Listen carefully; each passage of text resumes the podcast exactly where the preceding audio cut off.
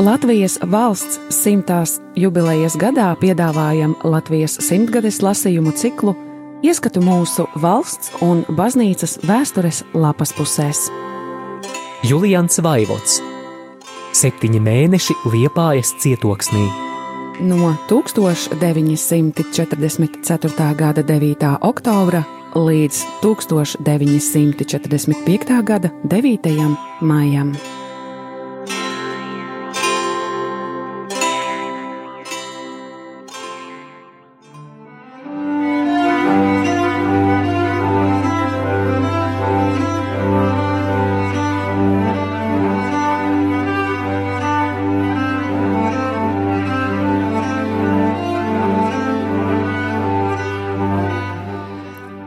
1945. gada 17. janvārī. Šodien nu ir diena, par kādām mēdz teikt, vai nu jodu glabā, vai raganai kāzas dzer. Tikai ievērojamam jodam un raganu raganai par godu var būt tāds laiks kā šodien. Jau visu nakti vējš pūta dažādās taurēs, bet ap deviņiem no rīta sacēlās tāds putenis, kādu reti kad savā mūžā esmu pieredzējis. Tomēr kustība uz ielām bija vēl dzīvāka nekā parasti.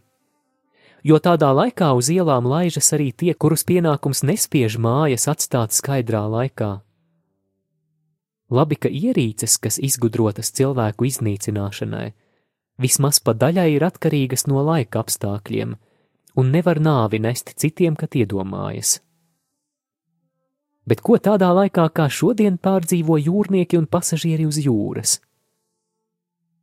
Diez vai kāds no latviešiem izdaudzinātajā raganu katlā vēl tā ir vārījies kā tagad uz jūras. Un ir cilvēki, kuri varbūt šai pašā vakarā laidīsies ceļā pa jūru uz Vāciju. Cik grūti dažiem izšķirties atstāt dzimteni, var secināt no tā, ko šodien teica kāds bēglis. Viņš jau ilgāku laiku esot bēgļu nometnē, un sevišķi apstākļi spiež viņu doties uz Vāciju. Viņam pat esot kuģa karte, bet vēl meklējot kādu iespēju dabūt darbu pilsētā, lai nebūtu jābrauc projām. Citu darbu tomēr nevarējis sameklēt kā pilsētas asenizācijas nodaļā pie ateju bedru tīrīšanas. Viņš pat atradis sev kompanionu, kādu šoferi no Rīgas, un abi gatavi pieņemt piedāvāto darbu, bet vēl kādi sevišķi apstākļi atbaida no palikšanas. Tad nu prasa padomu, ko darīt. Var redzēt, ka gandrīz ar mieru arī atejas tīrīt, ja ar to iegūtu iespēju vēl kādu laiku elpot dzimtenes gaisu, jo daudz vairāk par gaisu viņš te nekā nedabūs, un pašam nav nekārtīgu drēbju, nekādu krājumu. Mēģināja cilvēku iedrošināt un pārliecināt, ka viņa apstākļos visprātīgākais braukt tur, kur aizbrauca pat tādi, kam te palika mājas, nami un pārējā iedzīve. Vienkārši strādnieks viņš bijis visu savu dzīvi, un nekad darba nav baidījies. Tāpēc nav ko baidīties arī Vācijas apstākļu, jo arī tur no viņa prasīs tikai darbu. Darbs tur ir godā, tāpat arī pats būs godā. Beigās cilvēks pateica: Dieva vaļa, kas ļaudīm, tas cilvēkiem. Būs gan jābrauc, jo pie savējiem tā kā tā nevaru tikt. Tūkstoš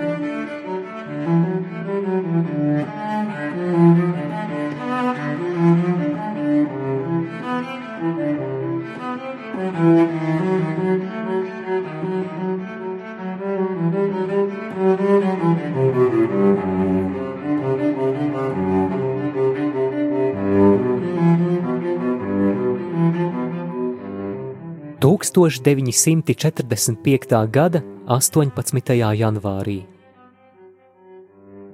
Apkalpotāja uztraukusies, ka tagad, kad vistas tik maz dējot, par savākšanas punktā nodotajām 50 olām saņēmusi tikai 2 markas 50 feniņus. Tanī pašā dienā kāds paziņa esot tirgū par olu maksājis 20 markas. Viņa liekas nevar saprast valsts cieto cenu nozīmi. Un nav brīnums, ka valsts rīcība viņai izliekas netaisnīga. Ja ņem vērā vistu kopšanas darbu un izbarošanas grūtības, jo nekādi barības līdzekļi par cietām cenām tagad netiek izsniegti, grūti iedomāties, lai vistu turētāji varētu profitēt. Bet tā jau iet visiem lopkopiem. Jau pirms dažiem mēnešiem kāds zemnieks kurnēja, ka pavasarī par sivēnu, kuru ar lūkšanos no kaimiņa izlūdzies, samaksājis 250 markas, bet rudenī to laba bekona svarā nodevis par 80 markām. Tāpēc nav jābrīnās, ka neapzinīgākie lauksaimnieki audzē tik vien daudz cūku, lai varētu nodot obligāto devu, jo citādi var pazaudēt saimniecību un saimnieka godu. Ir atkal tādi, kuri tur pēc iespējas vairāk cūku, spekulējot ar to, ka no lielāka skaita vieglāk kādu palaist sāņus un tādā veidā kompensēt pūles par lēti nododamo lopu audzēšanu un kopšanu. Pats par sevi saprotams, ka karš visiem uzliek smagus pienākumus un apzinīgie cilvēki pacietīgi tos pilda.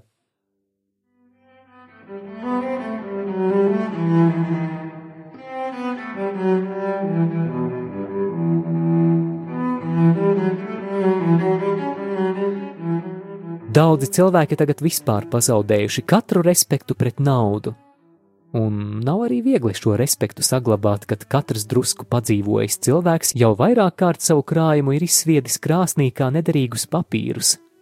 Ja neteikdams, tad domādams, ka krievu literatūrā tēlotājs Taras Buļba, uzsākdams divkauju ar savu dēlu.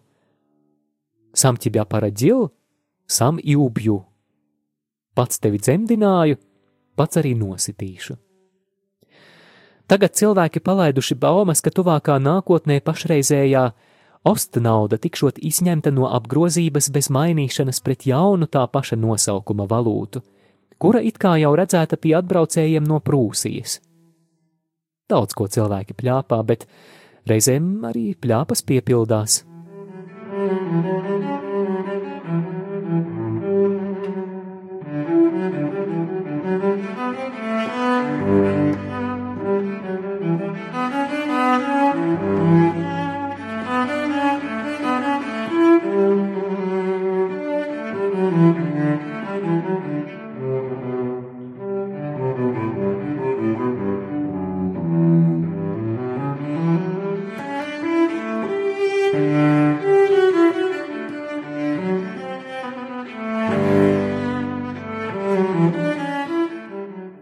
1945. gada 19. janvārī. Pēc lielā puteņa šonakt sāls cīnījās ar siltumu, un pirmais iznācis kā uzvarētājs, jo no rīta ietnes bija apsalušas un drīz sāka snikt. Vakarā jau izskatījās pēc iestas ziemas ar diezgan biezu sniega kārtu. Dienā parādījās arī kamanu braucēji, Ziema liekas tomēr no savām tiesībām negrib atteikties, un, lai gan ar nokavēšanu, prasa savu tiesu. Laiks šodien apmācies, un to izmantoju, lai apmeklētu dažādus slimniekus. Pirmā vizīte bija diezgan iepriecinoša. Kāda vientuļa vecīte, kura jau no 1. janvāra gulēja uz gultas, šodien pirmo reizi bija uzcēlusies un pati jau iekūrusi krāsni. Grūti viņai bija līdz šim, jo neviena brīva cilvēka, kas koptu. Pareizai aizsūtīju savu apkalpotāju, un viena otra paziņa pēc darba stundām atnākusi apraudzīt. Tomēr slimās istabiņa tīra un pat ar logu. Tagad jau skaitās luksusa lieta, ja caur logu var redzēt dienas gaismu. Kā redzams, arī badu viņa vēl necieš, kaut arī produktu kartītes nav, jo taisījās vārīt kartupeļus, ko ne katrs liepainieks tagad var sev atļauties – Es viņai aiznesu puspudeli medus un drusku ābolu. Aizgāju uz citu vietu, kur guļ slimas tādas pašas divas vientuļas vecenes. Vientuļas tādā ziņā, ka abas no Lietuvas un radu te nekādu nav. Visu mūžu nodzīvojušas kā kalpones, bet tagad viena no vecuma jau palikusi pilnīgi bērnišķīga un arī vēl kamēr bijusi spējīga, nekur tālāk no savas mājas neuzdrīkstējusi attālināties, jo pēc tam nevarot atrast savu māju. Otrai bez pastāvīgās cukura slimības vēl iemetusies kājā kāda kaite, un tagad kājā izsāpējis liels caurums. Pēc bombardēšanas logu labi kaimiņi aizsituši ar finieri, tāpēc jādzīvo pilnā tumsā. Elektrību dedzinot tikai tad, ja ienākot kāds svešs. Atradu abas tumsā sēdot gultā un ēdot kādu tumšu siltu virumu, ko nu pat kaimiņiene bija atnesusi. Kā atliekas no strādnieku kopgalda. Kartītes nav nevienai, un maizi reti kat redzot. Abas izskatās pēc īstiem lāceriem. Vienai pat krūškurvis līdz pusē kails, jo daļa krekla vienkārši atkritusi. Arī viņas kādreiz bija cilvēki, bet tagad tur atlicis tikai vārds. Iedevu katrai pa simt markām un grūtu sirdi aizgāju mājās. Vēlāk palūdzu kādu sievieti, lai aiziet uz tirgu un nopērk viņām maizi.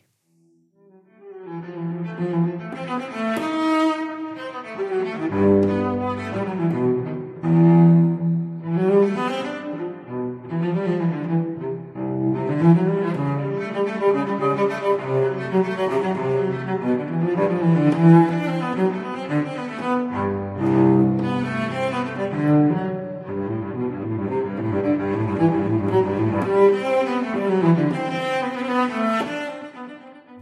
945. gada 20. janvārī.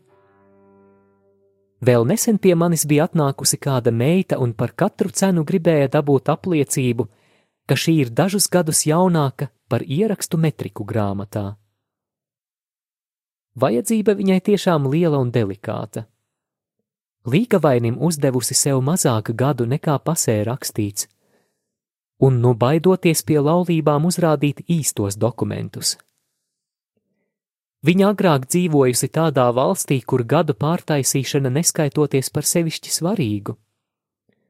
Tāpēc nekādi nevarēja saprast, kāpēc es tādai nevainīgai kombinācijai nepiekrītu. Pavisam izbrīnījās, ka uz viņas piedāvājumu maksāt pat zelta naudu es neesmu iekārdināms. Kā viņa galu galā to savu lietu nokārtoja, nezinu jo viņas līga vainis nebija no tiem, kas būtu piedabūjams pie baznīcas laulības. Bet nu šodien cits piemērs, kā dažai labai tagad jānožēlo sava vēlēšanās jaunās dienās būt vēl jaunākai par jaunu. Sievai laikam nepaticis būt vienos gados ar vīru, tāpēc apmēram pirms 20 gadiem, izņemot Latvijas pasi, viņa uzdevusies dažus gadus jaunāka par vīru. Tagad viņai jau pāri 60, un viņa būtu brīva no klaušu darbiem, kā arī varētu dabūt pases pagarinājumu, ja pasē stāvētu viņas īstais dzimšanas gads. Bet kā lai to pierāda, ja dzimšanas akts ierakstīts tādas baznīcas aktu grāmatā, kuru pat par radio grūti sasniegt, ja vēl šī baznīca vispār eksistē? Vienīgais viņas pareizo gadu dokuments, kāds tagad sasniedzams, ir izraksts no draudzes locekļu saraksta grāmatas, jo tur reģistrējoties pēdējo reizi, viņa uzdevusi pareizos gadus. Dokuments dibināts tikai uz personīgu apgalvojumu, bet apstākļos, kur vismazāk pieļaujama melošanas varbūtība, kopā ar liecinieku apgalvojumiem varbūt arī būs pietiekošs. Tāpēc visur un visos apstākļos cilvēkam jābūt tādam, kāds viņš ir, jo nezini, kas vēl nākotnē sagaida. Piemēram, daudzi poļi savā laikā uzdevās par latviešiem, un tagad poļus neņem kara dienestā, bet atkal kļūt par poli ir jau par vēlu.